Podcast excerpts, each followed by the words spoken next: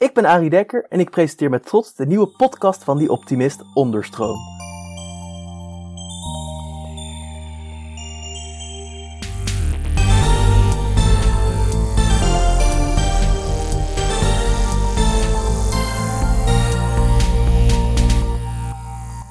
Hallo iedereen! Zoals altijd bieden wij om de week een podium aan mensen en ideeën die meer aandacht verdienen. Vandaag spreek ik met Carrie van Gestel, de oprichter van Guerrilla Gardening Nederland. Nou, hallo Carrie uh, om te beginnen, vertel eens wat over jezelf.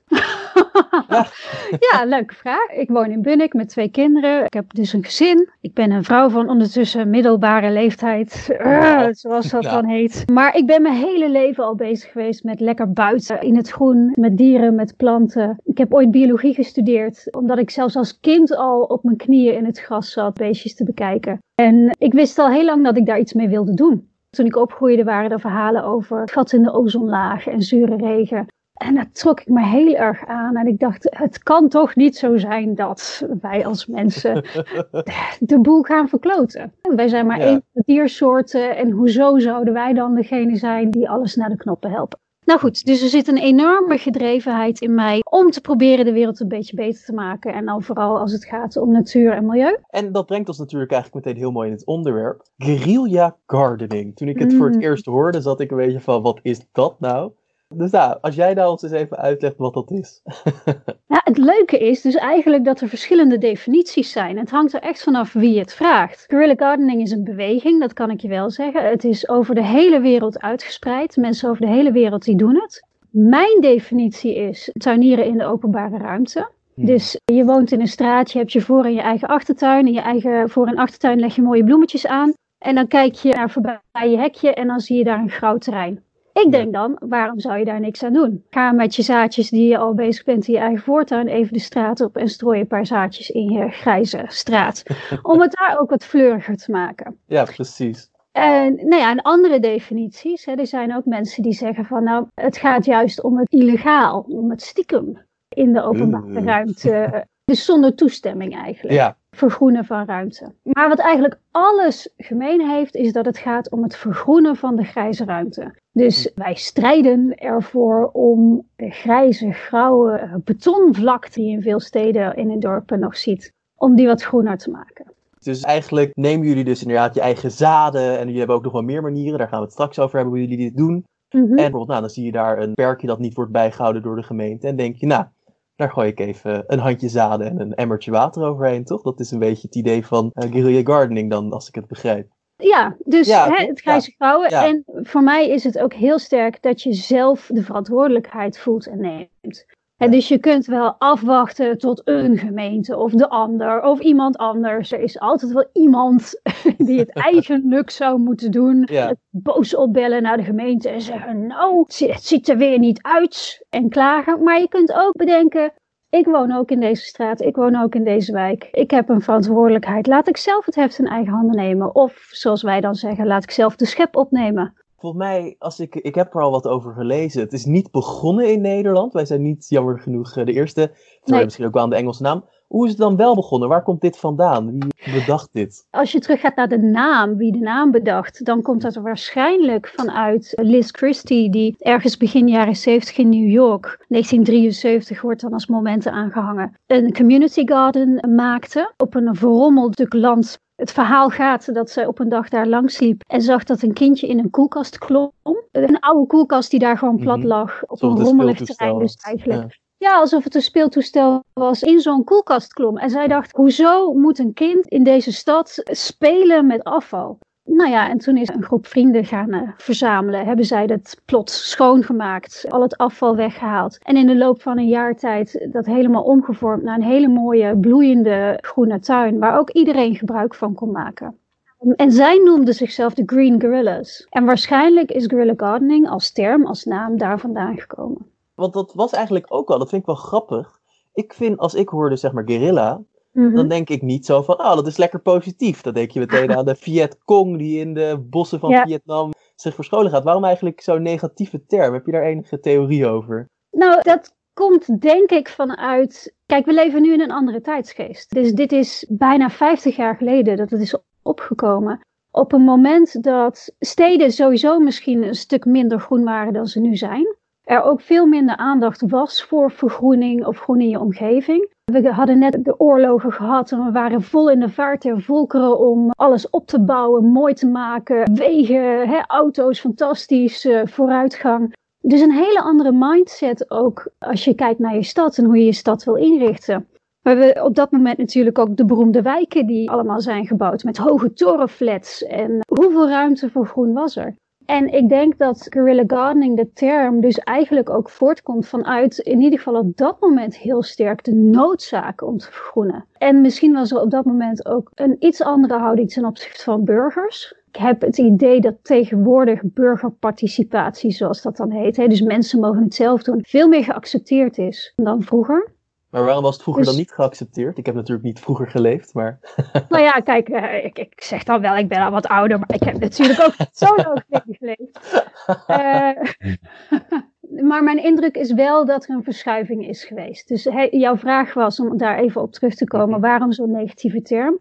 Ik denk dat het heel erg past binnen de tijdsgeest van het moment waarin het opkwam. Dus veel grijs, veel grauw, weinig ruimte voor particulier initiatief. En dat mensen zeer sterk het gevoel hadden van wij nemen zelf het heft in eigen handen. Wij gaan het gewoon zelf doen, want wij kunnen het. We hebben als burgers de macht. Nou ja, en dat voelt misschien een beetje zoals ook een revolutionaire beweging. Waarbij je de macht of iets probeert te veroveren. Ja, tuurlijk. Heel veel van dat soort revolutionaire bewegingen zijn ook met burgers. Vietcong waren ook allemaal, nou ja, burgers ook voor een deel die uh, het gebied Dus dat is een beetje het idee eigenlijk. Dat dus jullie bijna een beetje als een soort van, nou, als guerrilla's de natuur terugbrengen als het ware, toch? Ja, ja, nou ja, nou, en ik vind zelf die associatie met oorlog natuurlijk, die is enerzijds prikkelen en het zet je aan het denken. Dus op, in dat opzicht is het positief. Anderzijds heeft guerrilla gardening natuurlijk helemaal niks te maken met oorlog, want het gaat volledig om een positieve beweging die goed brengt. Maar het heeft wel in die zin ermee te maken dat we inderdaad het heft in eigen handen nemen. We gaan zelf bepalen wat we waar denken dat we willen laten groeien. En dat kan met of zonder toestemming zijn. En nou ben ik zelf meer van de lijn van met toestemming. Ook omdat ik zeer sterk, nou ja, goed wat ik zei aan het begin, de behoefte heb om mijn buurt te vergroenen en ja, eigenlijk biodiversiteit te bevorderen. En ik denk dat je dat het beste kunt doen wanneer je de handen ineen slaat met andere partijen. Je maakt een veel duurzamere tuin. Duurzaam in de zin van langer bestaand, maar ook misschien biodiverser. Als je weet dat hij daar kan blijven, als je dus aandacht kunt hebben voor de beplanting, je niet bang bent dat hij een paar maanden later weer omgeschoffeld wordt, dan investeer je er ook meer in. En ik zie dus ook heel veel mooie voorbeelden van tuinen die in overleg met overheden of met grondeigenaren, ja, ja. prachtig resultaat. ja, het is ook gewoon een beetje een burgerinitiatief dus gewoon. Dat je, gewoon inderdaad bezorgde burgers, zo wordt het natuurlijk altijd een beetje gezegd. Nou, gewoon zien dat iets niet goed gaat en zeggen, hé hey, gemeente, anders doen wij het wel gewoon. Er hoeft niet per se een tuinier hier te komen, wij kunnen dat ook gewoon. Wij doen dat wel. En om nog even een klein beetje terug te gaan naar die geschiedenis, want die is natuurlijk wel echt interessant. We hebben het nu over één tuin gehad. Volgens mij werd die uiteindelijk ook naar die Liz Christie genoemd. Naar Liz Christie vernoemd, toch? Toen zij ja. Nou, dat is natuurlijk ook al heel mooi. Ja, mooi Liz Christie Community Garden. Ja. ja. En oké, dus we hebben nu één tuin die op deze manier werd onderhouden. Hoe ging het dan zich verder verspreiden? Hoe werd dit een trend? Nou, ik weet dat in ieder geval de manier waarop ik het oppakte en wat ik ook altijd hoor wat het heel erg heeft verspreid, is het oppakken door Richard Reynolds. Dus Richard Reynolds was een Engelsman. Hij woont in Londen. Of niet meer inmiddels, maar toen wel. Dan moet je denken, 2008 heeft hij zijn boek geschreven. Ik geloof dat hij 2005 begon met tuinieren. En dat deed hij. Hij woonde in een flat in Londen. Het was geen tuin, maar wel enorm goede vingers. En hij wilde gewoon iets doen. Mhm. Nou ja, en zoals heel veel flats had het buiten een plantsoentje. Hoe noem je dat? Een tuintje. Met allemaal suffe planten, vond hij. Nou ja, hij dacht... suffe, wat, wat zijn suffe planten dan? Suffe planten. ja, van die, van die prikstruiken. Ja, een beetje zo'n eenheidsworst. Dan doen we die en dan doen we die en dan doen we allemaal eigenlijk hetzelfde. Dus hij is begonnen met daar planten tussen te zetten. En een paar meer en een paar meer. En dat werd steeds groter. En buren begonnen er opmerkingen over te maken. Hij begon er zelf steeds meer lol in te hebben. En nou ja, hij is een enorm goede schrijver, een heel humoristisch man. En wat heeft hij toen gedaan? Hij heeft een blog opgericht, guerrillagardening.org, die nog steeds bestaat. En hij is eigenlijk via die website, via dat blog, is hij verhalen gaan delen van zijn soort initiatieven, maar ook initiatieven die hij verder tegenkwam in Engeland, maar ook in de rest van de wereld. Hij heeft er ook een blog aangekoppeld waar je lid van kon worden. En dan kreeg je een nummer, want het is natuurlijk wel Guerrilla Gardening, dus je was niet bekend onder je eigen naam, maar je kreeg een nummer. ja, precies. Ik weet mijn nummer niet eens meer, maar goed. Oh. dus zo kon je in contact komen met anderen. En het is een enorm inspirerend blog geweest. Dus ik denk, en hij heeft toen ook een boek uitgebracht, On Guerrilla Gardening, wat echt een bestseller is geworden. Dus mijn indruk is dat hij eigenlijk ervoor heeft gezorgd dat het weer een nieuwe zwengel kreeg, zeg maar 15 jaar geleden. En hij is ook de reden dat ik het ben gaan oppakken, want ik kwam via zijn blog ermee in aanraking. Dat was inderdaad ook een beetje waar ik dan daarna heen wou gaan. Dus in Engeland is het dus nu, in Amerika, het begint zich al verder te verspreiden. De blog oh is booming. Maar hoe pakte dan, want jij bent degene die het echt hebt opgepakt natuurlijk onder de naam Jenny zelfs, toch? Destijds was jij anoniem. en, nou, uh, nog steeds. Ik heet nog steeds Jenny. Ah, ja, oké. ja. Vooruit. Maar ik neem aan, want het is niet erg trouwens dat ik je naam heb. Nee, nee, nee, nee, precies. Ja, toch, nou, voor de zekerheid dat er niet straks politie bij voor de deur staat. Mm -hmm. uh, eindelijk, we weten waar Pirate Jenny zich heeft opgescholen. En hoe kan dan, want nu in Nederland is het best wel ook een grote organisatie bijna geworden. Hoe is dat gegaan? Hoe eh, zijn we daar gekomen op dat punt? Guerrilla gardening bestond al in Nederland toen ik het oppakte. Dus ik was niet de eerste, ik, ik, ben niet de enige. Het is een beweging. En een kenmerk van een beweging is dat mensen het overal op hun eigen manier oppakken. Ik denk dat waar ik wel voor heb gezorgd, is dat het een zekere organisatiegraad kreeg. En doordat de websites en de social media bestaan in Nederland, krijgt het ook een soort focal point. En daarmee kan het wat groter groeien. Dus waarom heb ik het opgepakt? Het past heel erg bij het type actie waar ik van hou. Zelf doen, je eigen verantwoordelijkheid. Je ziet een probleem en je denkt ik ga het oplossen. Mijn mantra is eigenlijk een beetje problems should be solved by those who see them. Nou, ja. perfect dus. En het is ook nog eens groen. Dat kwam eigenlijk allemaal samen. Ik heb het niet in het begin vrijwillig opgepakt. In die zin, ik werkte bij een organisatie waarbij ik het kon onderbrengen. Dus ik kon in werktijd aan Guerilla Gardener werken. Dus dat was eigenlijk een luxe positie en heel fijn. Maar op het moment dat ik stopte bij die organisatie, heb ik het ook meegenomen. En ben ik het als vrijwilliger verder gaan uitbreiden of onderhouden. En sinds begin dit jaar hebben we een stichting zelfs. Dus we proberen Girl Gardening in Nederland nog wat groter te laten groeien. We zijn zaadjes aan het planten. En je zou kunnen zeggen, de grond is er rijp voor, de tijd is rijp. Want biodiversiteit is natuurlijk een enorm hot issue. Met reden, want er zijn echt schrikbarende studies over de achteruitgang in biodiversiteit. Je hebt vast wel gehoord dat studie naar insecten bijvoorbeeld, dat in 25 jaar tijd 75% van de insecten is verdwenen. Ik moet zeggen, eigenlijk niet, nee. Dat heb ik nou niet echt meegekregen. Nee, dus misschien, misschien als je, niet eens iedereen.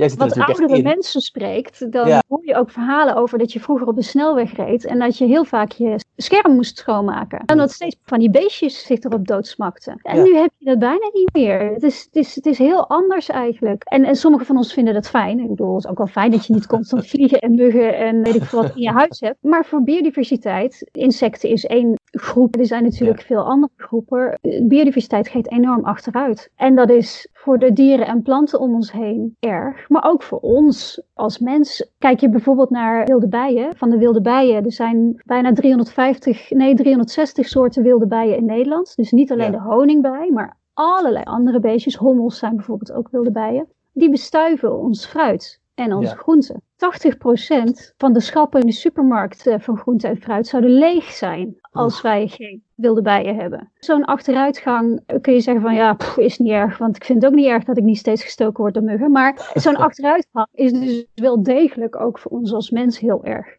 Nou ja, en die tijdsgeest, ik denk dat steeds meer mensen merken dat nu. Steeds meer mensen realiseren zich wat er aan de hand is in de wereld. En dat maakt eigenlijk dat wij hebben gezegd, we gaan een stichting oprichten. En ons primaire doel is om mensen enthousiast te maken voor guerrilla gardening. Ten behoeve van die biodiversiteit. Eigen buurt, werken aan biodiversiteit. Ja, want ik moet ook wel zeggen, als jij nu zegt, hè, als ik denk, oké, ik wil iets gaan doen aan die afnemende biodiversiteit, dat vind ik belangrijker, wil ik actie van ondernemen, dan moet ik wel zeggen dat niet het eerste dat bij mij opkomt om te doen guerrilla gardening is, dan zou ik denken, naar een goed doel, red erbij, had ik ergens zelfs ook iets van gehoord. Maar waarom is dan, nou, guerrilla gardening beter of in ieder geval net zo goed als? Nou, dit is, dit is ook weer een kwestie van duizend bloemen bloeien. Iedereen kan kiezen datgene wat het beste bij hem of haar past. En ik ben het type persoon en veel mensen met mij die denken, ik hou er enorm van om met mijn handen gewoon iets te doen. En het gevoel te hebben dat ik concreet bijdraag. En ik zie ook effect van wat ik doe. En ik draag zelf bij. Nou ja, en voor die mensen die zelf die, die drang voelen van ik wil iets doen en ook effect zien, is guerrilla gardening natuurlijk perfect. En ja, als je wil mag je ook een donatie doen aan de Bijenstichting. Prachtig natuurlijk. Maar ja, weet je, dan ben je gewoon niet zelf de persoon die het effect ziet. Dan is het getrapt. Ja, precies. Maar je zegt dus niet dat dit belangrijker is tot een hoogte. Het is gewoon een manier om iets te doen en er zijn meerdere manieren om iets te doen, maar dit is een hele goede als je gewoon echt wilt zien dat je buurt opleeft, als het ware. En dat je dus meer beestjes ziet en dat soort dingen, toch? Dat is dan een beetje het idee erachter. Dat is het idee. En dan kan ik nog een paar dingen aan toevoegen. Want groen in je buurt is natuurlijk niet alleen goed voor beestjes. Dus we doen het. Een leuke diversiteit aan planten zorgt weer voor een leuke diversiteit aan insecten. Dat zorgt weer voor vogels die er ook van eten. Dus dat verhaal. Maar groen in je buurt is ook goed voor mensen. Er zijn onderzoeken waaruit blijkt dat mensen vrolijk worden van groen. Ja, sterker nog, als je een examen zit te doen, zit je toch ook het liefst uit het raam te kijken naar de bomen. Daar word je veel vrolijker van dan op je papiertje kijken. Ik zit zelfs nu uit een raam naar bomen te kijken. Nou. Ja, precies. dus groen maakt je gewoon oprecht blij. Je maakt gelukstofjes in je hersenen aan als je bij groen bent. Daarnaast goed voor je gezondheid. Ook dat is uit onderzoek gebleken. Ook omdat je erin kunt recreëren. Dus je sport in groen. Je gaat eerder hardlopen als je omgeving groener is. Kinderen spelen in het groen. Kinderen vinden het natuurlijk hartstikke leuk. Zo'n groene omgeving. Hutten bouwen. Weet ik veel wat. Creatief bezig zijn. En dan heb je nog het moderne leuke woord sociale cohesie. De verbondenheid met mensen. Als ik hier in mijn buurt bezig ben in ons buurtuintje, wat we met een groep mensen hebben opgezegd. Dus ik zeg wel ik, maar het is dus wij. En het gaat dus juist om dat wij, mijn verhaal nu, als je samen bezig bent, dan voel je gewoon, je bent samen bezig, dus je leert ze kennen. Je hebt het gevoel dat je samen iets nuttigs aan het doen bent. En dan komen mensen langs, en de buurtbewoners die je niet kent, die langskomen, die vragen, wat zijn jullie hier eigenlijk aan het doen? Waarom zijn jullie nu aan het doen? Oh, zal ik het ook een keer water komen geven? Het zorgt ervoor dat je door het opzetten, door het doen, doordat het gewoon is, zorg je ervoor dat er mensen bij elkaar komen. Dus zelfs het sociale aspect binnen jullie organisatie nog, als het ware. Want ik zat eigenlijk te denken dat jullie ging zeggen van ja, want je gaat samen in een park zitten. Maar ook de activiteit van wij gaan dingen planten en doen, dat is eigenlijk, dat is inderdaad een hele mooi extra effect.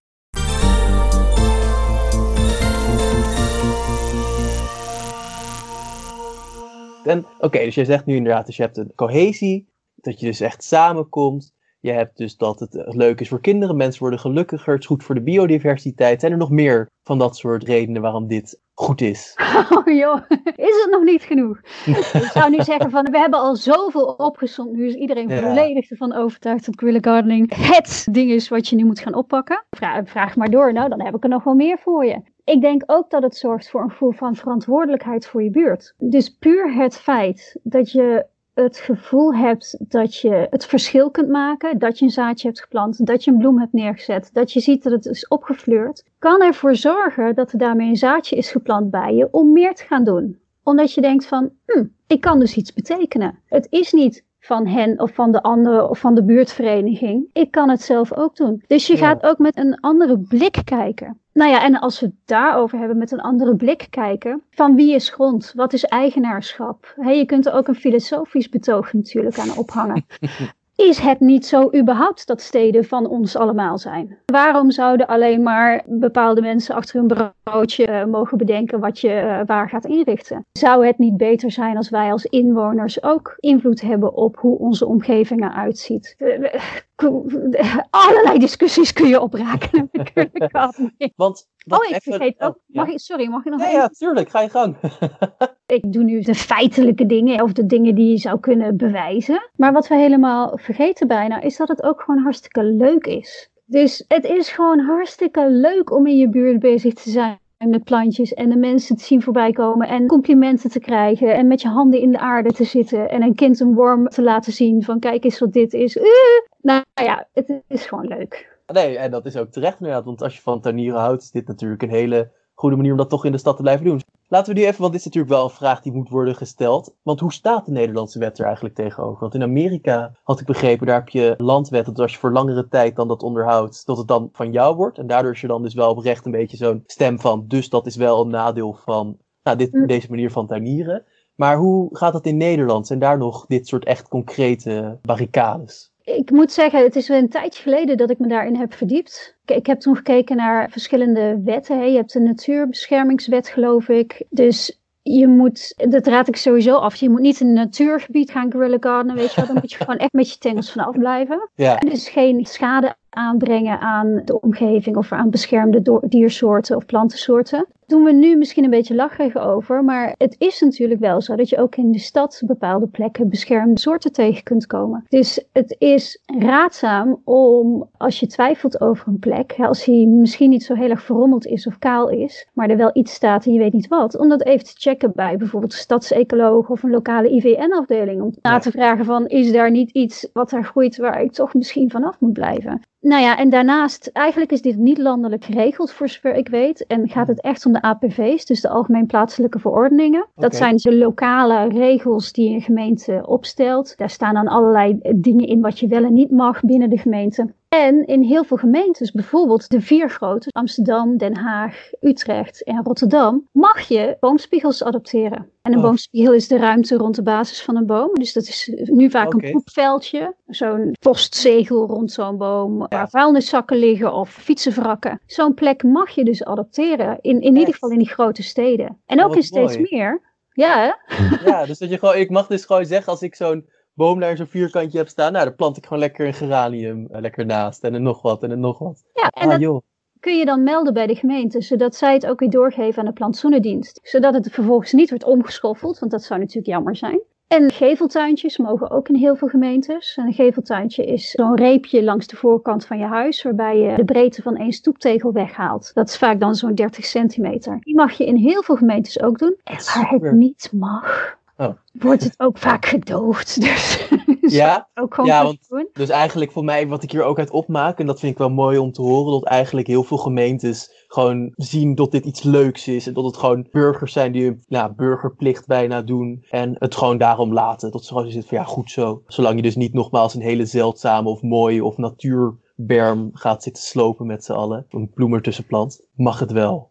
Ja, en dit is eigenlijk dan ook wat ik aan het begin zei over die ontwikkeling die je merkt. Dus dat voorheen eigenlijk niks mocht. Dus wanneer begon ik ermee te zien? Twaalf jaar geleden voor het eerst. En toen ik op dat moment in de regelgeving dook en in de opties, was er eigenlijk bijna niks. En je ziet in de loop der jaren dat er heel veel meer bij is gekomen wat er mag. Ja. En geef toe, is zo'n boomspiegel, dus als we het hebben over die kale ruimte rond de stam van een boom, op de basis, die is vaak leeg. Daar gebeurt vaak niks. En een gemeente gaat er ook niks mee doen. Want ja, er zijn 1 miljoen boomspiegels in Nederland, dus het is vreselijk veel werk. Dan kun je het ook beter aan de bewoners overlaten. Ja, maar het is heel leuk tot het dan ook echt aan de bewoners wordt overgelaten. Dat toch niet, vind ik altijd iets heel vanzelfsprekends, tot als iets heel logisch en leuk is, dat dan iedereen zegt, yes, ga ervoor.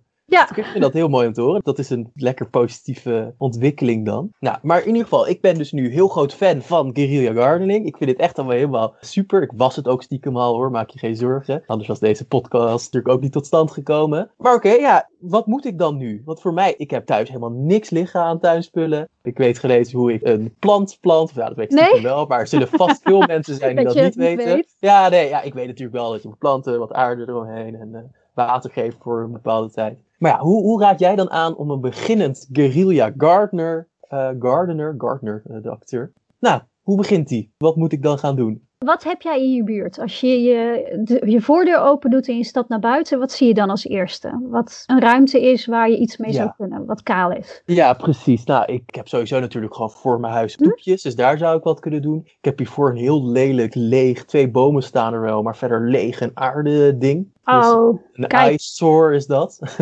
ja. Maar je woont niet in een flat, dus je hebt wel je eigen voordeur. Ja, dat, of nou, ik woon wel, maar ik woon op de onderste verdieping. Dus ik, nou, uh, ik bedenk met, meteen al drie dingen die je kunt doen. En qua, plekken dan. Dus ten eerste, jij kunt een geveltuintje maken. Dus je racht gewoon die stoeptegels op. Ja. En daar maak je een plekje van. Je kunt potten neerzetten, dus bloembakken. Een pot, die heb je natuurlijk zo neergezet, gewoon naast je voordeur. En je kunt inderdaad die boomspiegels aanpakken. Nou, wat je dus niet moet doen, is alle drie tegelijk. En, en alles meteen groots willen doen. Ik denk dat je het beste het klein kunt beginnen.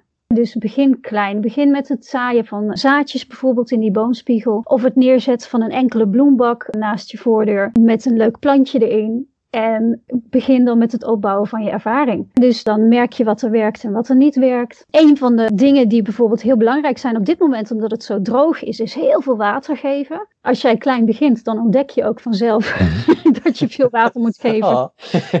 ook uh, nou ja, wel wat effort vereist. En, maar je zou dus ook bijvoorbeeld ook een vorm van guerrilla gardening zou zijn als ik zie dat mijn grasperkje voor mijn huis, als die aan het verdoren is, dat ik gewoon met een emmer water, nou, dus een gieter dan in dit geval, gewoon even wat water erop gaat gooien. Dat is ook al. Ja, en wat misschien dan leuk is als het een grasperkje is en we komen nu intussen richting september, oktober, de, het moment voor bloembollen. Ik zou zeggen, plant eens een bloembolletje, want als we het hebben over klein, kleine acties, dat vind ik een van de leukste guerrilla acties om te doen. En daar hoef je eigenlijk heel weinig voor te onderhouden en daar hoef je ook helemaal geen toestemming. Oh, nee, dat zeg ik niet.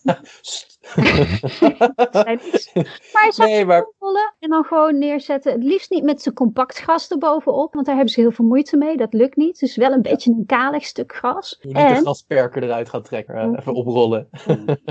ja, ik, ik, ben daar dan weer niet zo'n fan van vernieling. Want het gaat om iets moois opbouwen. Dus je zoekt toch naar een plek die wat verrommeld is of leeg is.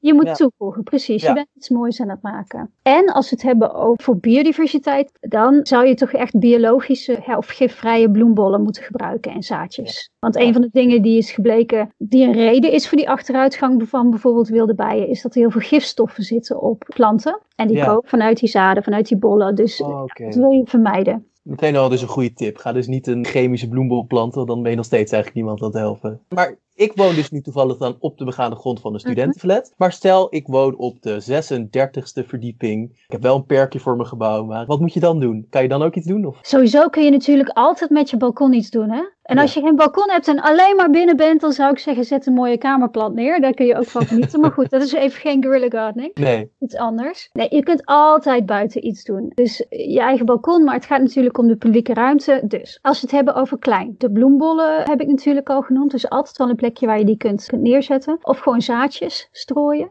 Als we het hebben over klein beginnen. Maar als je denkt van nou, ik heb zin om het echt wat groter aan te pakken. En die grasstrook naast mijn flat, die ziet er niet uit er zijn mooie voorbeelden van mensen die de handen in elkaar hebben geslagen met bijvoorbeeld een bewonerscoöperatie. En dan zelfs in overleg met zo'n eigenaar van zo'n flat. Om ervoor te zorgen dat zo'n grasstrook omgevormd kan worden tot gemeenschappelijke tuin. En ik zou zeggen, als ze daar geen toestemming voor geven, dan begin je gewoon klein en dan laat je zien hoe mooi het kan zijn. Dus dan doe je een klein strookje aan de zijkant. En het liefst samen met anderen, zodat je kunt laten zien dat er draagvlak is. Als we het hebben over, we willen iets wat ook op langere termijn blijft bestaan dan is draagvlak natuurlijk iets ja, wat je een stuk sterker laat staan. Ja, nou, dat is toch ook altijd zo als je tegen iemand zegt: Ik vind dat je dit niet goed doet in je eentje, dan zit diegene, ja, dat denk je zelf. Maar als je met een hele mhm. groep het zegt, denkt diegene: Oh, dus dat moet ik dan aanpassen. Dat is natuurlijk menselijk. Dus, dus eigenlijk, nou, dan geef je dus eigenlijk nog een grappige extra tip als het ware. Dat dus als het niet mag in je buurt, dus dat moet je wel echt even navragen, toch inderdaad. Daar ben ik het ook wel mee eens. Je moet niet uit het wilde westen grasperken gaan ommaaien. Probeer dan dus die kleine dingetjes die wel mogen te doen. En dan dus met zoveel mogelijk mensen. En dan kan je laten zien van, zie je, mensen willen dit, mensen worden hier gelukkig van. Heb jij dan de ervaring dat je dan wel vaak uiteindelijk het mag? Nou ja, er zijn twee bewegingen daarin. Ten eerste, doordat je klein begint en doordat je een soort van coalitie opbouwt van mensen, wordt het als het ware al automatisch beter en groter. Dus je komt dan vaak al in contact met mensen die invloed hebben, die iemand kennen, die weten hoe de kippen lopen, of hoe noem je dat ook weer, hoe de ganzen, nou ja, dat. Ik snap je. En ten tweede inderdaad, succes uitventen kan ook een manier zijn om ervoor te zorgen dat je mensen aan je kant krijgt. Bijvoorbeeld, als we het hebben over propaganda, wat ook een mooie term is als het gaat om guerrilla gardening. Je mooie bloementuin die eigenlijk niet mag in de pers brengen en laten zien van kijk eens wat we aan het doen zijn. Kan ook ervoor zorgen dat er balletjes beginnen te rollen en dat mensen hmm. denken van hé, hey, maar waarom hebben we daar nee tegen gezegd? Nou, dat is dus een hele goede tip al meteen. En ik had ook nog andere dat vind ik namelijk heel leuk. Ik ben heel groot fan van zulke bloembommen. Die hebben ze bij de waar bijvoorbeeld, zo'n bloembom. En toen zag ik opeens op jullie website een van de echte kenmerken van guerrilla gardening. Zijn die bloembollen. Vroeger werd dat dan gemaakt van een condoom, hoorde ik. Oh ja. Oh, dat, ja, dat, dat, zijn allerlei manieren om ze te maken. Ja, de eerste was gewoon een condoom die ergens tegenaan werd gegooid met tomatenpitten ja, erin. Ja, ook gezegd. Ja. Oh ja, precies. Nou, en nu kan je dat dus ook zelf? Wat is dat dan? Ja, dus een bloembom, dat is inderdaad het ultieme wapen voor de Guerrilla Gardeners. het is eigenlijk een pakketje van compost, klei en zaadjes. En wat je doet op plekken waar je niet makkelijk bij kunt, zoals een uh, bouwterrein of, nou ja, weet ik veel, aan de overkant van het kanaal als je daar loopt. Nee, het kanaal is breed, maar je snapt wat ik bedoel. Plekken waar je heel ver gooien. Ja, moet je heel ver gooien. of een plek waar je snel weg wil zijn, want ja, het is een beetje ongemakkelijk om hier uitgebreid te gaan staan tuinieren. Dus even, hè? Ja. Ja, plop, iets uh, neergooien en doorlopen. Dan is zo'n bloembom ideaal, want het beschermt de zaadjes. Het zorgt ervoor dat je, omdat het een balletje is, kun je het ook mikken. Kan het ook ver weg gegooid worden. En nou ja, je hoeft het niet meer te begraven, want het zit dus eigenlijk al in aarde. het is inderdaad door de eerdere guerrillas doorontwikkeld vanuit dingen als uitgeblazen eierschalen waar ze dan zaadjes in deden. Naar, je kunt het ook met papier maken bijvoorbeeld, maar dan is het wat licht misschien. Naar wat we nu hebben. En inderdaad op onze website verkopen we ze ook. Waarbij we het belangrijk vinden dat we inheemse zaden gebruiken. Dus zaden die echt alleen uit Nederland komen. Dus wilde zaden, want als je het hebt over biodiversiteit, wil je dat dus eigenlijk ook. En dat is bovendien ook waar de Nederlandse insecten in ons land het beste op gedijen, want die kennen die soorten. Wat zou ik er nou over zeggen? Nou, je zei er al heel veel over. Dus dat je het zelf kan kopen, dat je inheemse ja, insecten moet maken. Ja, hoe je het zelf moet maken. Ja, dat wou ik ook inderdaad nog vragen. Ja. Precies. En dan ga je helemaal niet. Uh... Goed, dus hoe kun je ze zelf maken? Je kunt er bijvoorbeeld een leuk lesje van maken voor je kinderen, als je die hebt. En de wijk intrekken. En uit de sloot of uit een, een vijver wat uh, klei gaan trekken. Of als je klei gegrond hebt, dan haal je die erop. En uit het wormenhotel in je buurt of de composthoop haal je wat compost. Ja. En uit de uitgebloeide zaadjes haal je wat zaadjes. Je kunt ook al die ingrediënten gewoon kopen, mag ook. Dus je hebt nodig klei, compost, zaadjes. Dat zijn de ingrediënten. Je mengt ze in elkaar. Wat wij zelf doen is een verhouding van 5 eetlepels compost, 4 eetlepels klei. En dan heb ik het over droge klei, dus poederklei. En afhankelijk van de grootte van de zaadjes, de kleine wilde zaadjes die we gebruiken, een halve theelepel zaadjes erbij. Dat meng je door elkaar, uh, doe je een beetje water bij, alsof het een soort beslag wordt. Voel je, ja, je voelt het echt vanzelf. Want als je deeg mixt, dan krijg je ook een soort van, op een gegeven moment dat het wat compacter wordt. Ja, en dat je, ja, dat je er echt een broodje van kan maken, ja. nou, ja. En precies dat heb je dus met de kleicompost en de zaadjes en het water als je het door elkaar hebt gemengd. Dat je op een gegeven moment zo'n plek in je roeren bereikt dat je denkt van oké, nu kan ik balletjes maken. Nou, en dan ga je Ja. dus balletjes maken. En dat is het al, joh. Oh, toe. En dan kun je ze nat gooien, wat eigenlijk het beste is. Want als ze nat zijn, dan zijn ze nog vochtig. En zaadjes hebben natuurlijk vocht nodig om uit te kunnen komen. Maar als je ze later wil gebruiken, wij adviseren altijd om een eierdoos te gebruiken. Stop je ze in je eierdoos, zijn ze lekker veilig. Droog je een paar dagen en dan kun je ze in je jaszak stoppen. En in je jaszak, heerlijk, hè, ga lekker fietsen naar je werk. Pak ze uit je jaszak, gooi ze in de boomspiegel die je tegenkomt. Ja. Of eh, inderdaad, wat jij ook zegt, langs de weg. Ja, ja, nou, dus inderdaad, dat is toch bijna het meeste guerrilla gardening dat ik heb gehoord in de zin van de letterlijke guerrilla. Iemand die dan even echt zo'n steekaanval doet, maar dan in dit geval dus Ja. lekker een, eh, bloembom en doorrijden. Ja, nou wat mooi. Oh, en wat jij in het begin, het gesprek wat we net hadden, zei van ja, het regent nu. Misschien niet zo lekker voor guerrilla gardening. Nou ja, als je het dus hebt over bloembombarderen, dan is er niks zo goed als regen. Want je wil die bloembommetjes, die moeten uit elkaar gaan vallen. Nou Ja. hoe vallen die uit elkaar? Die moeten lekker nat worden. ja, Dus, dus eh, eigenlijk juist als het regent moet je met je bloembollen op pad gaan. En, en dat is wel durven natuurlijk. In de Ja, regen. niet tijdens, laten we zeggen, niet tijdens windkracht 30 en een storm, waar als het gewoon een beetje regent en je pakt je paraplu, dan kan je je bloembollen gaan verspreiden. Laten we het daarop houden. Ja, je bloembommen, hè? Bloembommen. Bloembollen, ja, oh ja, ik zeg de bloembollen, ja, bloembommen. Nou, dat is natuurlijk heel leuk. Nou, dan hebben we dus ook al wat concrete tips gegeven. En dan heb ik eigenlijk nog een laatste vraag aan jou. Wat heb jij nou zelf geleerd na al die jaren guerrilla gardenen? Want jij hebt dit natuurlijk echt al heel lang gedaan. Heb jij nou een mooie les hieruit getrokken? Of Joh, ehm, een wijsheid die je op Een wijsheid. Ik denk dat ik dan toch weer terugkom op het is leuk en je hebt er plezier aan. We doen het voor een heleboel redenen. Het is geweldig voor biodiversiteit, het is geweldig voor de buurt. De buurt flirt ervan op. Maar als je iets doet waar je geen plezier aan beleeft, als je iets doet waarvan je denkt van zucht, Moet ik weer? Ja, dan is het niks. En dat is natuurlijk het leuke. Dat is mijn les eigenlijk voor guerrilla gardening, denk ik. Hou het voor jezelf leuk. Maak het voor jezelf leuk. Heb er lol in. En er valt ook veel lol aan te beleven. Nou, echt heel mooi gezegd. Echt super bedankt. Ik uh, heb ervan genoten. Ik ga ook lekker zelf een lekkere bloembom maken. Ja, ik kijk er nu al naar uit. En ja, nou, gewoon echt heel erg bedankt. We horen misschien nog wel van je. Ja, ik ben heel erg benieuwd naar de bloemexplosies bij jou in de buurt.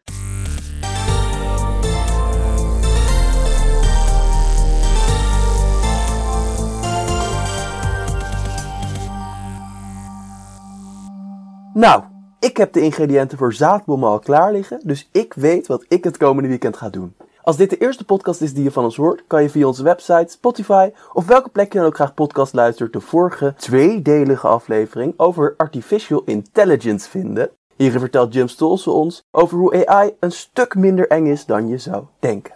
Ook zal ik in de beschrijving een link zetten naar de website van Guerrilla Gardening Nederland. We zijn over twee weken weer, maar in de tussentijd hoef je natuurlijk niet met je duimen te gaan zitten draaien. Zo kan je het nieuwste nummer van Die Optimist nu gratis op onze website dieoptimist.nl lezen. Ook kan je deelnemen aan de fotowedstrijd die wij hebben georganiseerd om ons 25-jarig bestaan te vieren. Bij deze maak je niet alleen kans op mooie prijzen, maar ook op een plaatsing in het blad. Daarnaast kan je natuurlijk ook de podcast een mail sturen met vragen, inspiratie of gewoon om te laten weten hoe leuk je ons vindt via redactie.optimist.nl. Wie weet kom jij dan in ons toekomstige luisteraarssegment. Als laatste wil ik ook nog Anouk Wolf bedanken voor het maken van de muziek bij deze podcast.